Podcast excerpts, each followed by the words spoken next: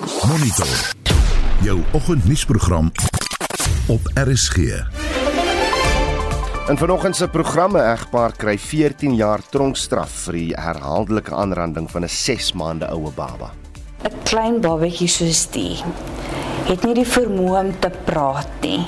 Dit is waarvoor ek daar is om namens haar te praat. En sy skree vir hulp hierso en gelukkig het ons dit gehoor. Die regering word gedwing om vlugtelinge uit Afghanistan in die land toe te laat. The judgment did not say we must give them asylum. They said we must give them permission to get into a country, go to the nearest refugee reception center, and then apply for asylum. And all the issues we raised in court, including the fact that they presented a document written in Arabic, which nobody can understand. The judge then said all those will be done at the hearing. 'n Entrepreneur van Hartwee Spoort maak jenever uit indringer waterjesinte. Welkom by Monitor die span vanoggend is Hendrik Maten, Johan Pieterse en ek is Oudo Karelse.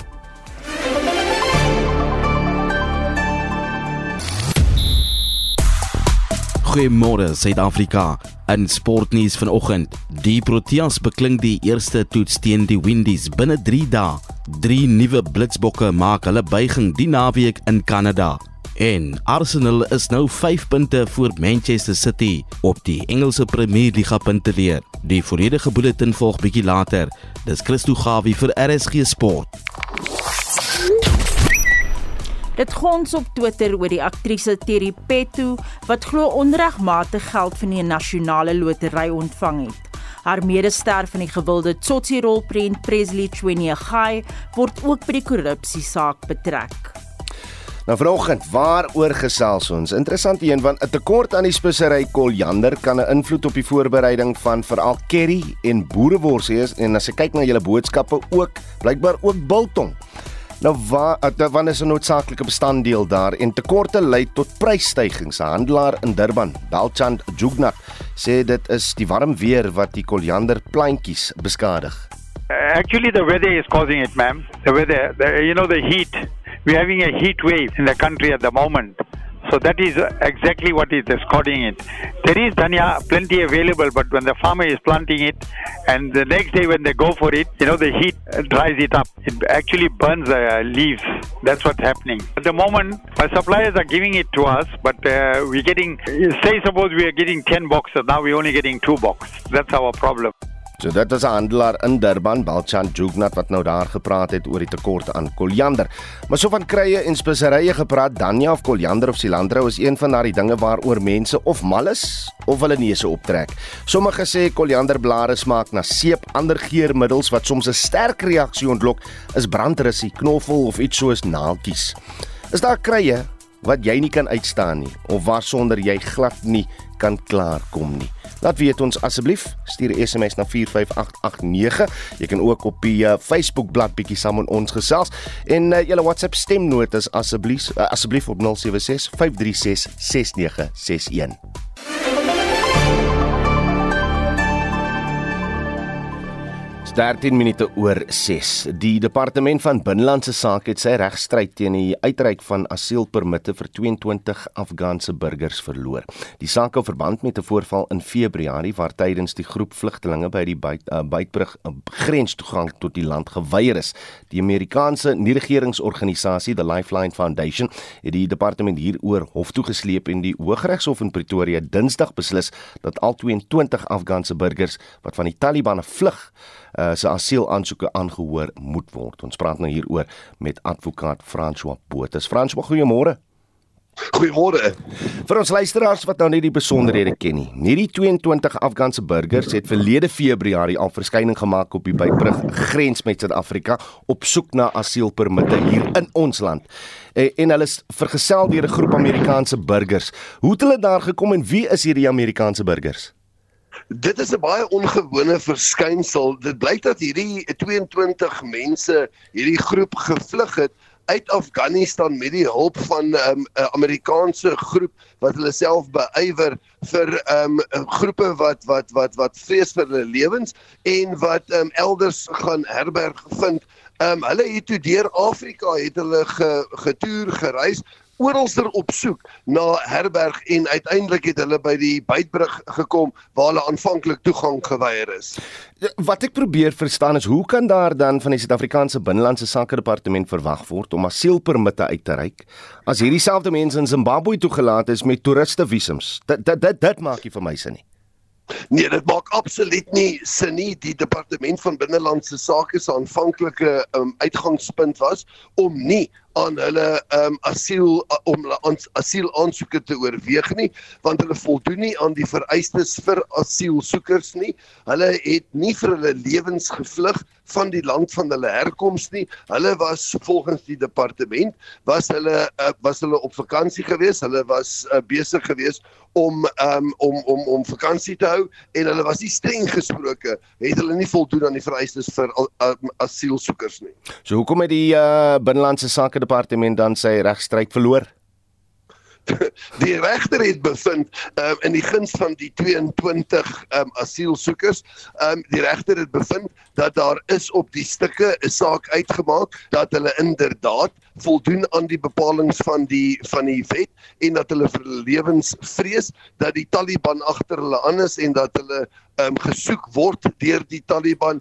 Um, ek dink die uitspraak um, is is meer gebaseer op 'n basis van Ubuntu om te te help um, in hierdie omstandighede.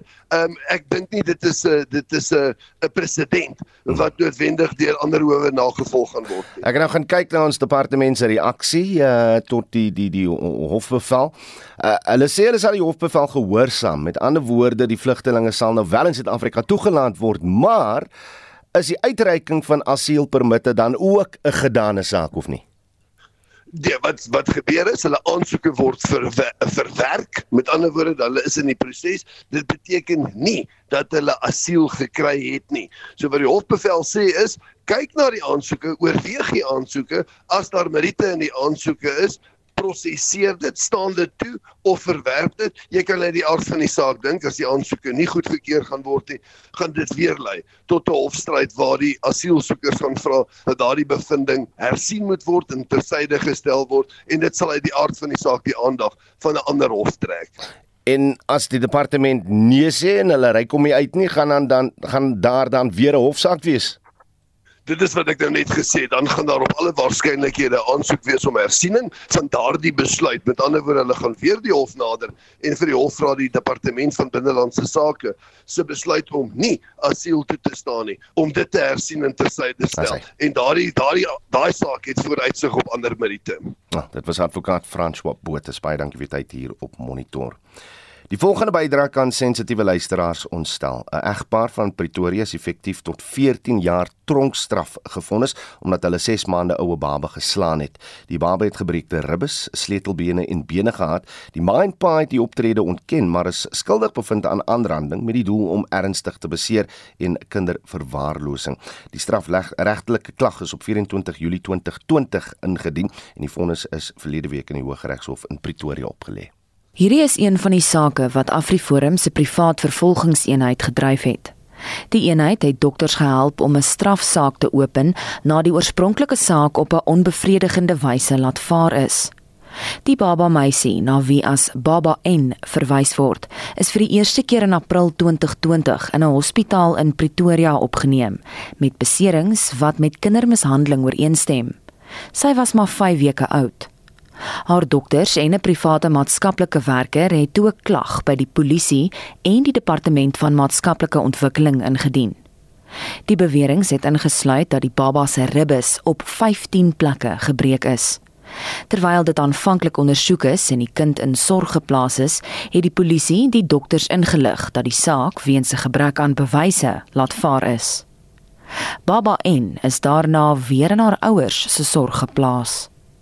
Die hoofondersoeker in die eenheid, Andrew Leesk, sê hulle die dokters gehelp om bewyse bymekaar te maak. Ons kantoor het toe die dokters bygestaan en die maatskaplike werkers. Ons het hulle gehelp om die verklaringe op te stel, die mediese getuienis bymekaar te kry.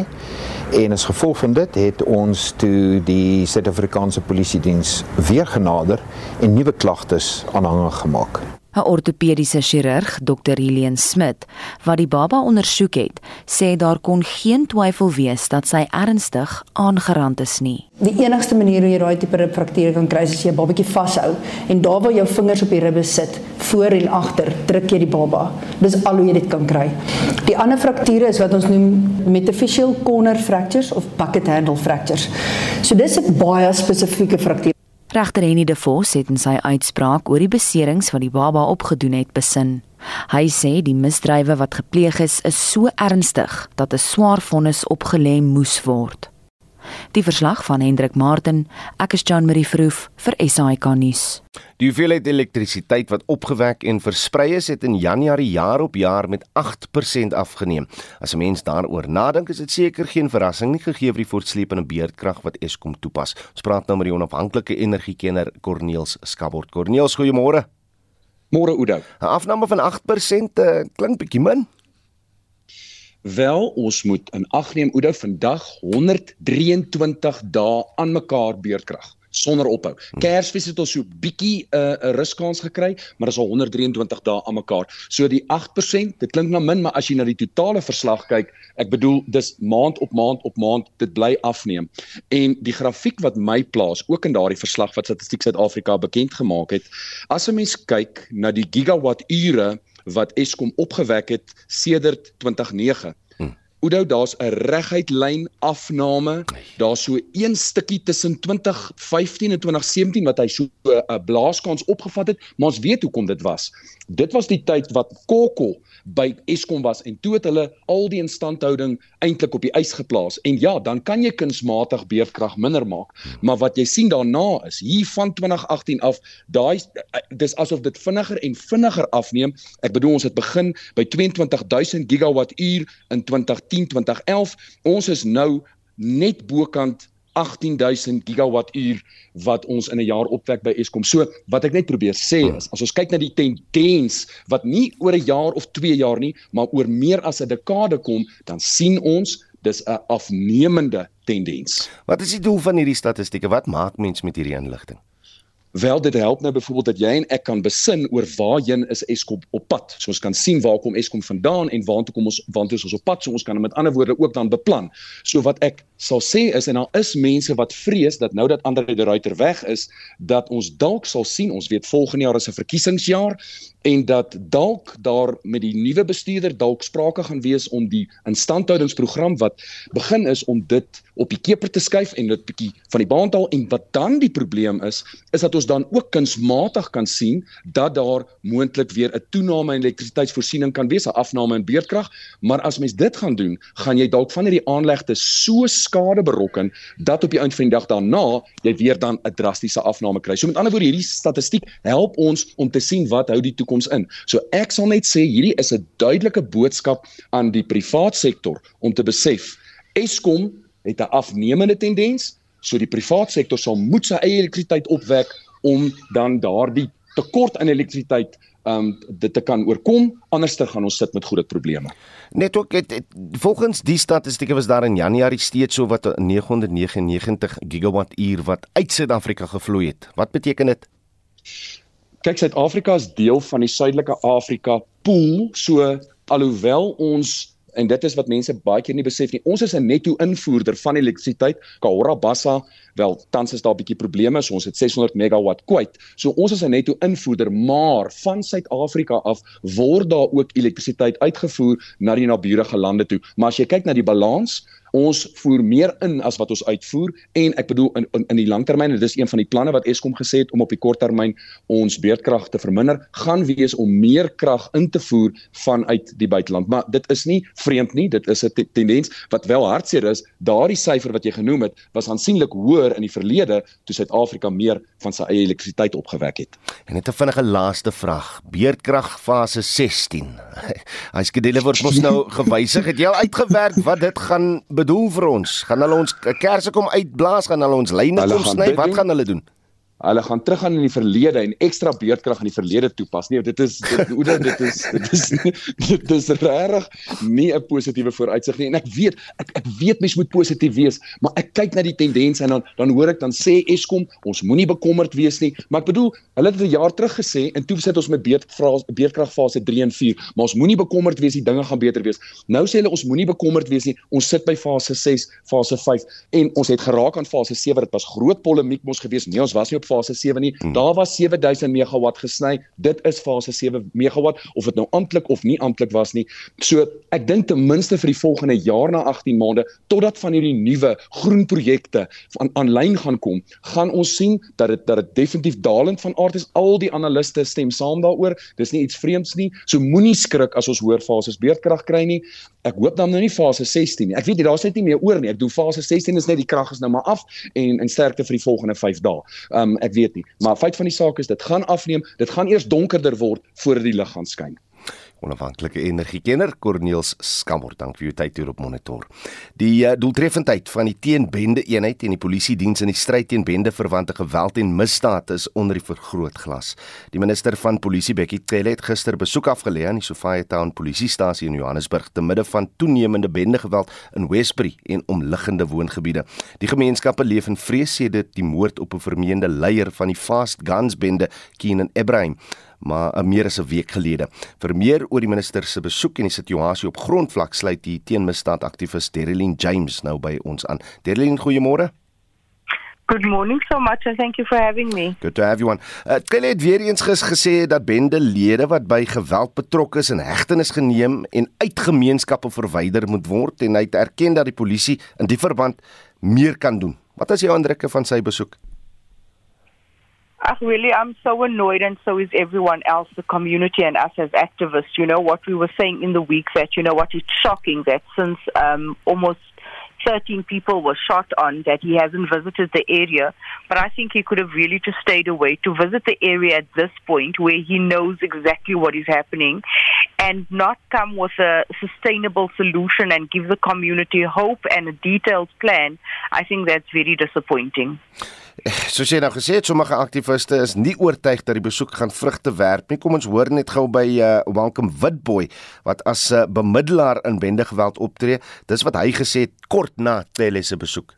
Hierdie mense het beloof in die verlede dat hulle gaan alles in hulle vermoë doen om 'n gemeenskap te help en ook om meer polisie en sekuriteit in die area in te bring en dit het nog nooit gebeur nie. Die mense is like hopeless. Hulle is like, you know what, hulle moet maar dinge in hulle eie hande vat. Better the devil you know than the devil you don't. Vertrou my hierdie bende leiers en you know en doen maar wat hulle sê for the sake of peace en geen gemeenskap wil so lewe nie. Maar politici speel 'n baie baie groot rol in hoe dinge gedoen word, especially nou met die onderhandelinge wat nou plaasvind vind is wie is op kantoor, wat gaan gebeur as daar nuwe verskywings gaan wees, gaan die ou ondernemings wat ons gemaak het nog steeds gehandhaaf word en is 'n klompie situasies wat tans in die, in die lug hang en daar's 'n klompie onsekerheid so as mense vir my moet vra of dit 'n goeie ding is dat die minister van die gemeenskap in is en met die gemeenskap praat, sal ek sê ek sê dit nog steeds, hy moes al lankal na die gemeenskap toe gekom het. Hy moes al lankal sy beloftes nagekom het Al wat boy verwys hier Dedelie na die uh, politieke onbestendigheid in uh, Johannesburg en hoe dit kan lei tot wetteloosheid. Stem jy hiermee saam?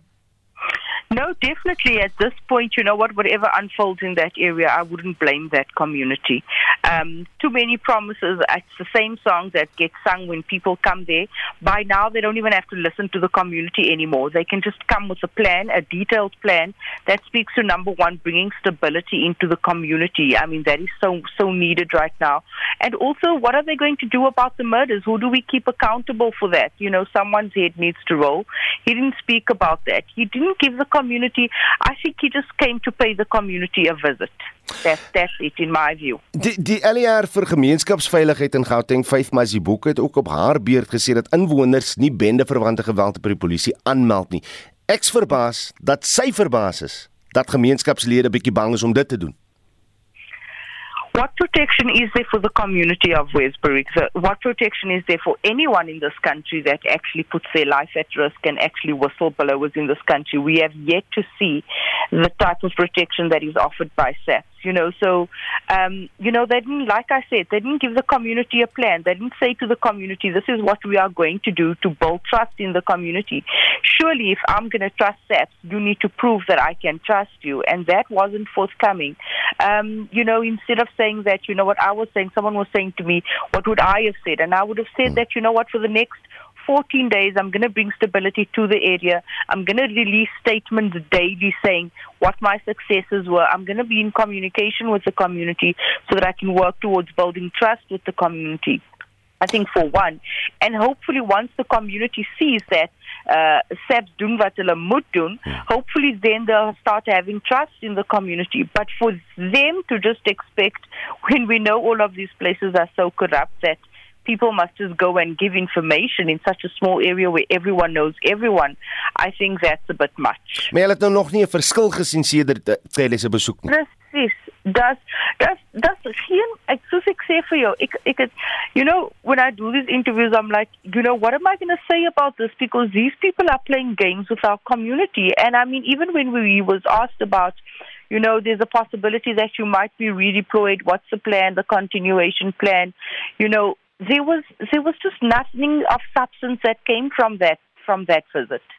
I think other than wasting taxpayers' money and having so much police there for one day and whatever because the minister's coming, there's nothing left. And even if even if he deploys the entire SAPS to to Westbury, for as long as he doesn't have an, a, plan that deals with the unconventional crime that is happening in that area, um, it's a futile exercise. En dit was hier teen misdaadaktivis Derlin James. Jy luister na Monitor.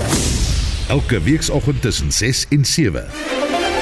6:30 in die nuus. Die Tshwane Metro se nuwe burgemeester sal vandag die pad vorentoe bekend maak. Leiers in KwaZulu-Natal vra vir 'n polisieeenheid wat moorde op tradisionele leiers sal ondersoek en Mosambiek neem die leiersels oor in die Verenigde Nasies se Veiligheidsraad. Bly ingeskakel.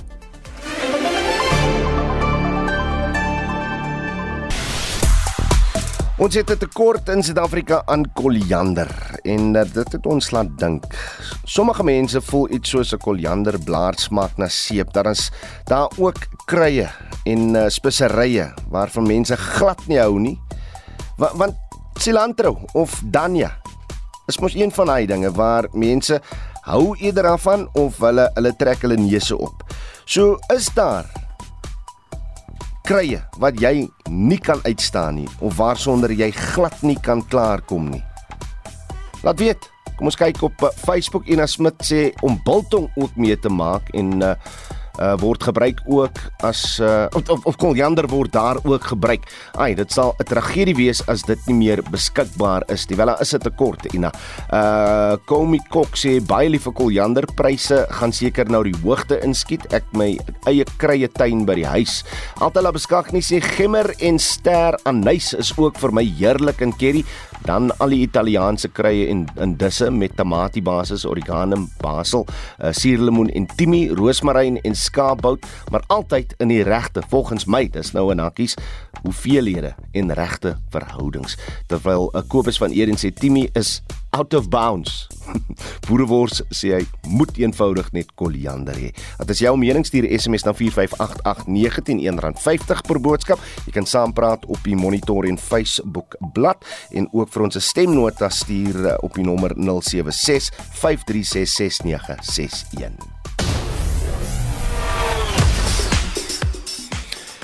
Christo Gawie, gereed met die jongste sportnuus. Christo, goeiemôre. Goeiemôre Oudo, goeiemôre luisteraars. Die eerste toets uh, tussen Suid-Afrika en die Wes-Indiese eiland het oor 3 dae wipplank gery, maar Suid-Afrika wat uiteindelik daar geseëvier het. Ja, absoluut. Suid-Afrika het hierdie eerste toets uh, teen die Wes-Indiese eilande in Centurion met 87 lopies gewen. Die Proteas, hulle het 'n paar benoude oomblikke beleef, maar het met mening teruggeveg en die Windies tot uh, 159 lopies beperk. Nou, Kagiso Rabada, hy was verseker was hy 'n sleutel in die Proteas se vertoning met 6 vir 50 lopies en Suid-Afrika se oorwinning binne 3 dae verseker. Aiden Makram is as die speler van die wedstryd aangewys. Hierdie was ook die eerste sege onder die nuwe kaptein Temba Bavuma Die tweede toets begin Woensdag in Johannesburg. In toetskriket het dag 3 tussen Indië en Australië reeds begin. Indië is met 2-0 voor in die reeks van 4. Die kan verander indien die Aussies vandag kan oorleef. Australië se Nathan Lyon se bilontleding was 8 paaltjies vir 64 lopies. Indië is almal uitgehaal vir 163. Nou moet uh, die Aussies wat tans voor die uh, paaltjies is net iets soos 64 kry vir 'n oorwinning. Ja, op die oomblik 12 vir die verlies van 1 en ek sien Marnus Labuschagne of Labuschagne is daar op 6 en Travis Head is daar op 5. Uh drie nuwe blitsbokke maak wel hul uh buiging vandag hierdie naweek in Kanada. Ja, Suid-Afrika se groeiende beseringslys het drie spelers die geleentheid gebied om hulle sewes reeks buiging die naweek in Kanada te maak. Die Blitsbok afrigter Sandile Ngobo het Gershwin Ware ook Noe Hayward en Joel Leotlela vir die Kanada sewes groep opgeroep nadat hulle drie spelers tydens 'n teleurstellende Los Angeles been verloor het. Jaden um, Baron en uh, Masande Mchadi het harsonskudding opgedoen terwyl die debutant uh, Travis Ismail hy het las met 'n duispier besering. Nou vir die Blitsbokke wag groep wedstryde teen Frankryk reeds vanaand om kwart oor 10 Suid-Afrikaanse tyd, 20 voor 5 môreoggend teen die voordag Suid-Afrikaanse tyd teen Japan en 25 oor 11 teen Argentinië môre aand. Suid-Afrika staan derde op die wêreld sewe se punte leer. Terug by die huis, weet die Bulls, hulle is tans in die knyp en daar's net een uitweg en dit is om elke wedstryd wat hulle oor het te wen. Daar's vier kragmetings oor insluitende moeilike teenstanders soos Ulster weg, uh, tuis teen die voorlopers Leinster en die Bulls kom nog, hulle kom nog tot verhaal na die nederlaag teen die Stormers verlede week. Hierdie naweek pak hulle die gevaarlike eindpan op Loftus Versveld. Die kragmeting skop af môre middag kwart voor 5. Die Sharks en die Stormers, hulle ontmoet reeds om 0:30 môre middag. En as jy Arsenal fan is, dan jy vanoggend werk toe lag lag, né? Nee? Jy is 'n gelukkige man. Dis nou uh, natuurlik, uh, hulle is 5 punte voor Manchester City na Woensdag aan se weggolsege met 4-0 oor Everton. Nou Liverpool is op na 6ste plek danksy hulle oorwinning met 2-0 oor Wolves. Sondag aand is dit 'n massiewe stryd tussen Liverpool en Manchester United. Arsenal is heel bo aan die punteleer met 60 punte. Terug by die huis, Swallows, hulle sal vanaand om 08:30 hulle wet 'n uh, eh, uh, eh, wetywering met hulle Soweto bure, die Orlando Pirates in 'n DStv Premier League wedstryd by die Dobsonville Stadion wil hernie.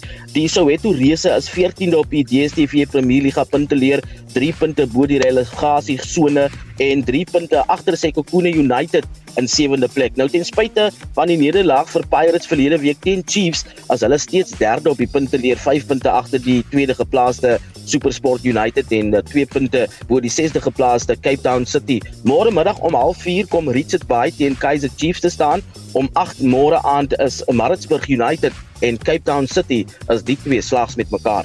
Christo Gawie daar van RSG Sport. Nou tyd vir 'n blik oor nuus uit die buiteland en verslag oor die selfdood bomaanval in Manchester in 2017 is bekend gemaak. Joan Marie, wat is die besonderhede? 22 mense is dood in die terreuraanval by die Manchester Arena waar die popster Ariana Grande opgetree het. Volgens die verslag het Brittanje se spionasiediens nie vinnig genoeg opgetree ondanks inligting dat so 'n aanval moontlik was.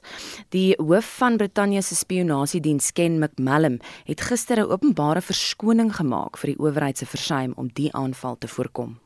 Having examined all the evidence, the chair of the inquiry has found that there was a realistic possibility that actionable intelligence could have been obtained which might have led to actions preventing the attack. Gathering covert intelligence is difficult, but had we managed to seize the slim chance we had, those impacted might not have experienced such appalling loss and trauma. I am profoundly sorry that MI5 did not prevent the attack. Nou ja, dis ken McMallum, hy is die hoof van Brittanje se spionasiediens. Ek het verlede naweek besluit ek gaan hierdie spesifieke Netflix reeks kyk en nou sien ek hierdie week net gister is uitspraak gelewer in die moordsaak teen die Suid-Carolina prokureur Richard Murdoch. Dis reg, Murdoch is skuldig bevind aan die moord op sy vrou en seun. Maggie Murdoch en die paartjie se jongste seun Paul is in Junie 2021 dood aangetref op hulle familielandgoed. Hulle is albei op kort afstand geskiet. Murdoch is ook skuldig bevind op twee verwante vuurwapenaanklagte. Lydensberigte het hy min emosie getoon toe die jury sy uitspraak voorgeles is. Mr. Murdoch, you now having been found guilty of two counts of murder involving your wife and your son, two counts of possession of a weapon during the commission of a violent crime. Of course, the minimum sentence for murder is 30 years, the maximum sentence is life imprisonment. En dis dan deel van die juridiese uitspraak in die moordsaak teen Richard Murdoch. Ons verskuif dan ons fokus na Griekeland en die dodetal in die noodlottige treinongeluk het nou skerp gestyg ja tot 57 en dit is soos wat patoloog DNS monsters gebruik om al meer slagoffers te identifiseer. Duisende spoorwerkers het die afgelope paar dae in Athene gestaak oor die treindienste se veiligheidsstelsels. Griekeland se minister van vervoer, Yugos Yerapetritis, sê die ondersoek sal deeglik en deursigtig wees. Η διερεύνηση των αιτίων The investigation into the cause will take place in a way that will be transparent and it will be absolutely thorough. This is the order of the Prime Minister. For this reason, today an ad hoc committee of experts will be set up to study the systemic causes that led to the tragedy we're living through and lack of action that existed over time, if any. Hugo Sierra Petritis is Griekeland se minister van vervoer. En 'n fietsryer van San Marino in Italië is beboet en deur sy span geskort nadat hy 'n minister se kat doodgeskiet het. Oor volgens internasionale media berigte het die 21-jarige Antonio Tiberi, sy buurman wat ook San Marino se minister van toerisme is, sy geliefde troeteldier met 'n windpiks doodgeskiet. Hy wou die wapen glo toets en het dit na die kat se kop gemik en die sneller getrek. Tiberi het skuld erken en die hof het beslis dat hy 'n 4000 euro boete moet betaal. Sy fietsryspan het hom ook vir 20 dae geskort. En so gepraat van katte, Oudo 'n laaste brokkie nuus uit die buiteland. Britse sosiale media gebruikers is aan die gons nadat die voormalige adjunkminister van gesondheid James Bethel in 'n televisieonderhoud bevestig het dat die slagting van alle katte in Brittanje tydens die vroeë dae van COVID-19 oorweeg is. Nou dis omdat daar aanvanklik so min inligting was oor die virus uh, of oor of die virus deur troeteldiere oorgedra kan word al dan nie. Nou ja, ons weet nou vandag van beter, maar kan jy jou voorstel? So terwyl ons niks weet nie, kom ons oorweeg om katte dood te maak. Klink vir my maar bietjie vreemd. Baie snaaks. Joan Marie Verhoef eh, met 'n oorsig van internasionale nuus gebeure. Mosambik het die voorsitterskap van die Verenigde Nasies se Veiligheidsraad oorgeneem. Dit is 'n geskiedkundige oomblik want dit is die land se eerste keer as 'n nie-permanente lid van die VN-orgaan. Maputo se gesant het die media in New York toegespreek. Hy sê sy land beskou die VN se beginsels van vrede, samewerking en goeie buurskap in 'n ernstige lig. Mosambik het die voorsitterskap van die Verenigde Nasies se Veiligheidsraad oorgeneem. Mosambik sal die volgende maand 'n belangrike rol vervul, so sê ambassadeur Pedro Comissário Afonso. This bears testimony to the importance we attach to the principles and objectives of the United Nations Charter, to the questions of peace, of cooperation, of good neighborliness among the states in the world. So this is how we view both in Mozambique and in Southern African region. And this is, I think, very typical of our countries who were born, most of the countries in the Southern African region were born out of liberation struggle. So we very much highly value the ideals that are contained in the Charter of the United Nations. Daar is 3 temas waaroor debat gevoer sal word. Eerstens resolusie 1325 wat vroue deel van konflikbeslegting maak. Tweedens vredespogings in Afrika. En dan ook die stryd teen terrorisme en gewelddadige ekstremisme. Afonso het oor die konfliksituasie in Cabo Delgado in Mosambiek gepraat. The situation is improving dramatically thanks to cooperation that His Excellency the President of the Republic of Mozambique was able to conceive and devise in terms of harnessing the consensus in the region that terrorism is a common threat and it must be combated collectively in the region uh, and even beyond. So the forces of uh, SADC and the forces of Rwanda led by our own national defense forces, have been doing a wonderful job. Daar sal ook ongetwyfeld oor die oorlog in Oekraïne gepraat word. Afonso het Mosambiek se neutrale houding verduidelik. Mozambique will always strive to solve international conflicts through peaceful and negotiated uh, solutions. Yes, we continue to abstain on this issue because we think that those principles that we defend and which I outlined here, enshrined both in our charter and in, the United Nations Charter, were not fully reflected. Number one. Number two, we think that uh, more than uh, just uh, repeating the clauses of uh, the Charter, we need to take decisive steps towards peace. Hy het bevestig dat die Veiligheidsraad dit oorweeg om die Kongolese Republiek tydens Afonso se voorsitterskap te besoek.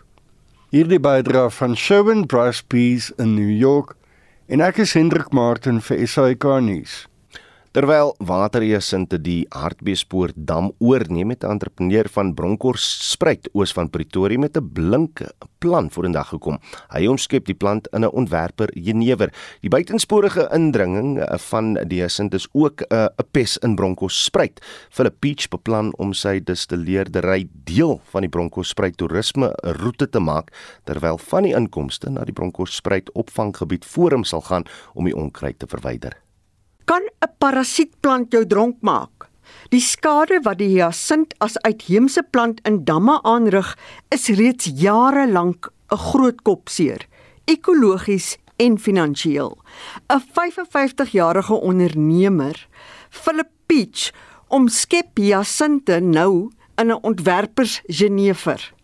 Die doel is nie net die effense lighooftigheid van wat Genever meebring nie, maar ook om 'n bewustheid van die probleem van hyasinte te skep.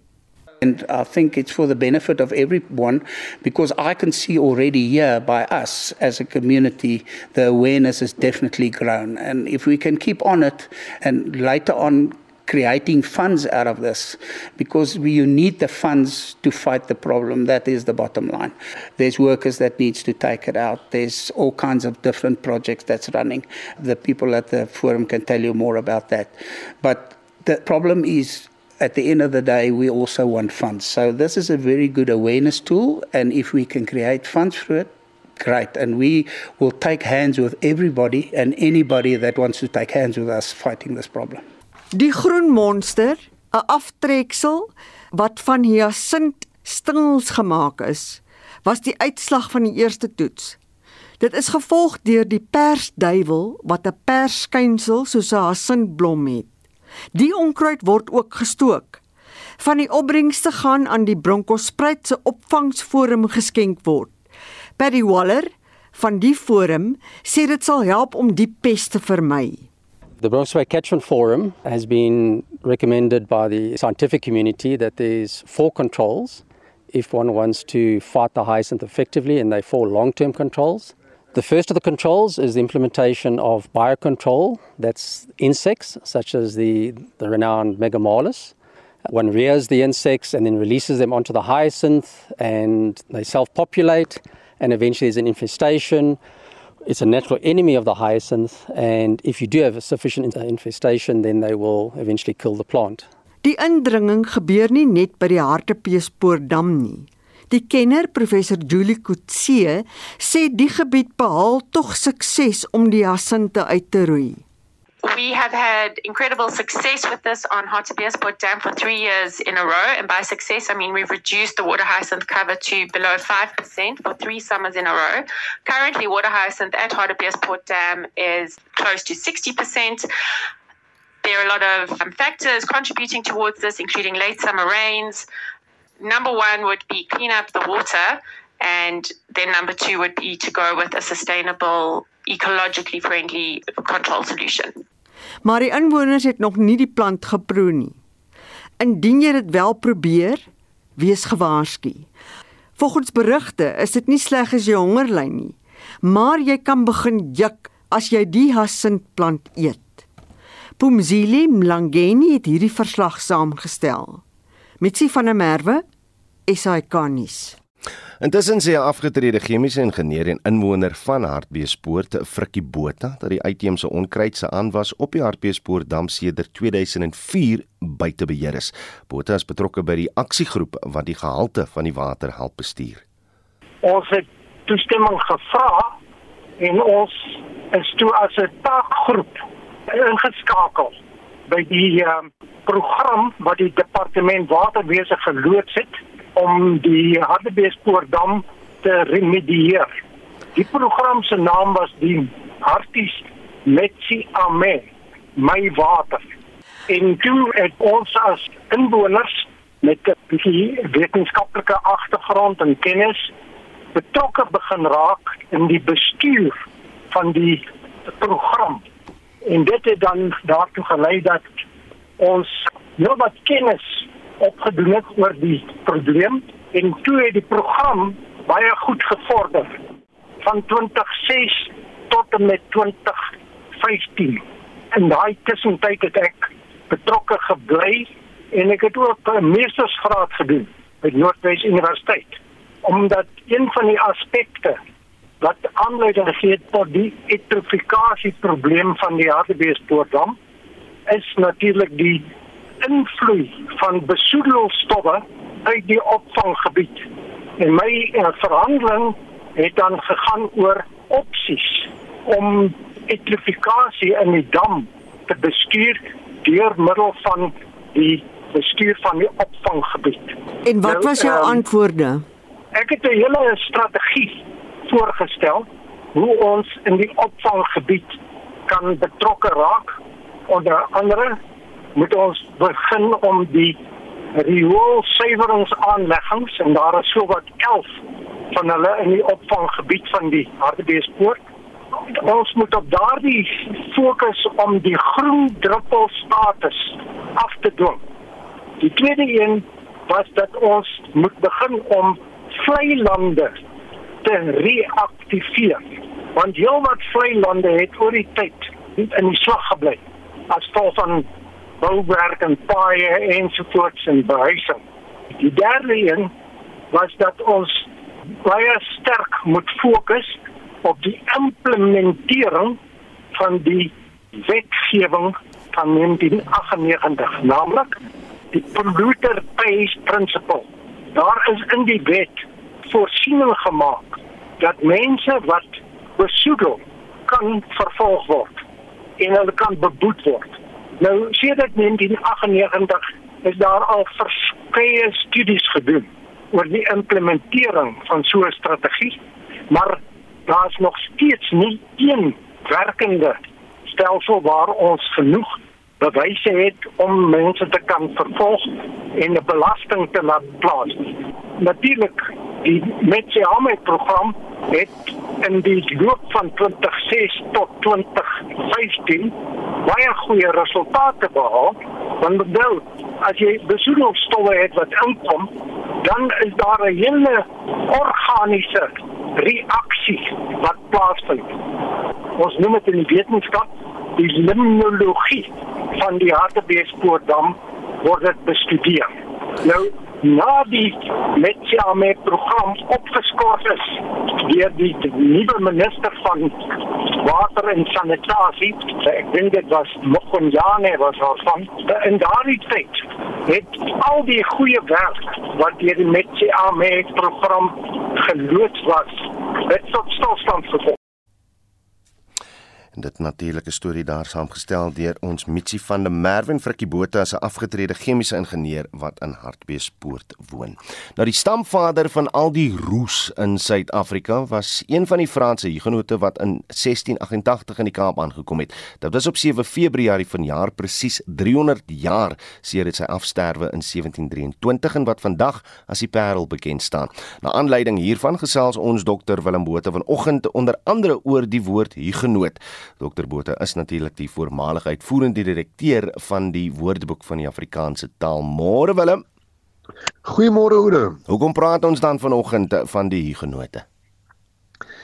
Ehm um, ons praat vanoggend omdat ons nou omdat nou 300 jaar uh, gelede is, maar uh die vraag is uh, ek dink hoekom hoekom waar kom die woord hugenote vandaan is eintlik waaroor ek wil praat.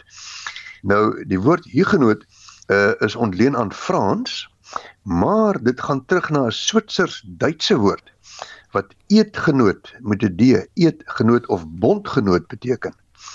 Nou hugenoot is deur die Katolieke as 'n skeldnaam gebruik vir 'n groep hoofsaaklik protestantse Switsers wat in opstand gekom het teen die hertog van Savoy.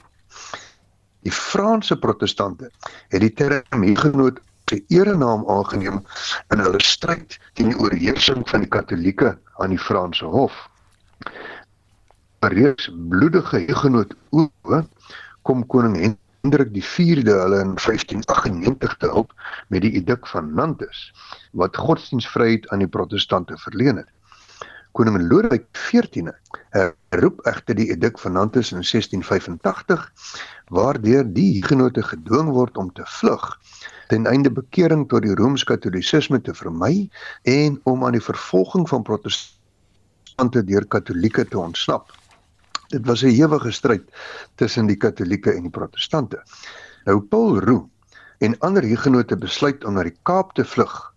En na 'n stryd van 3 jaar gaan hulle in Nederland aan boord van 'n skip. In die Kaap gekom, ontvang hulle van Simon van der Stel grond langs die rivier tussen die huidige Vrouhoek en die Parel en verder aan tot by die Limietvy. Roux word spoedig ook deur die politieke raad in die Kaap as skoolmeester en voorleser in die Franse taal aangestel. Omdat hy belese was in Nederlands, kon hy ook tree tussen die Franse en die 23 Nederlandse families wat in die jaar tevore grond in dieselfde vallei ontvang. Roep koster, sieke trooster of krankbesoeker, diaken, begrafnisondernemer en skuldinvorder van Roux in 1723 het 'n einde gebring aan onderwys en kerkdienste in Kaap. Die Franse het nooit gedwonge Nederlands sprekend en uiteindelik Afrikaans sprekend geword. Talle plase met Franse naam getuig egter nog van hulle bydrae tot die wynbedryf in die Kaap. En dit was Dr Willem Botha, hy is die voormalige hoofredakteur van die Woordeboek van die Afrikaanse taal. Sou jy 'n woord wou borg of koop, besoek www.wat.co.za of Google borg 'n woord. Vir ons groet net weer vinnig. Ons praat vanoggend oor die feit dat daar 'n tekort is aan koriander en ons vra aan ons brandpunt vraag is daar krye wat jy nie kan uitstaan nie of waarsonder jy nie kan klaarkom nie. Jy SMS dit deur na 45889. Dit kos jou R1.50 per boodskap. Jy kan ook vir ons 'n WhatsApp stemnota stuur na 0765366961 of praat saam op ons Monitor en Facebook bladsy. En uh, dan groet ons namens ons uitvoerende regisseur Nicoline de Wee, ons redakteur vanoggend is Hendrik Maat en ons produksieregisseur is Johan Pieterse en ek is Udo Karelse. Geniet die dag in die geselskap van RSG.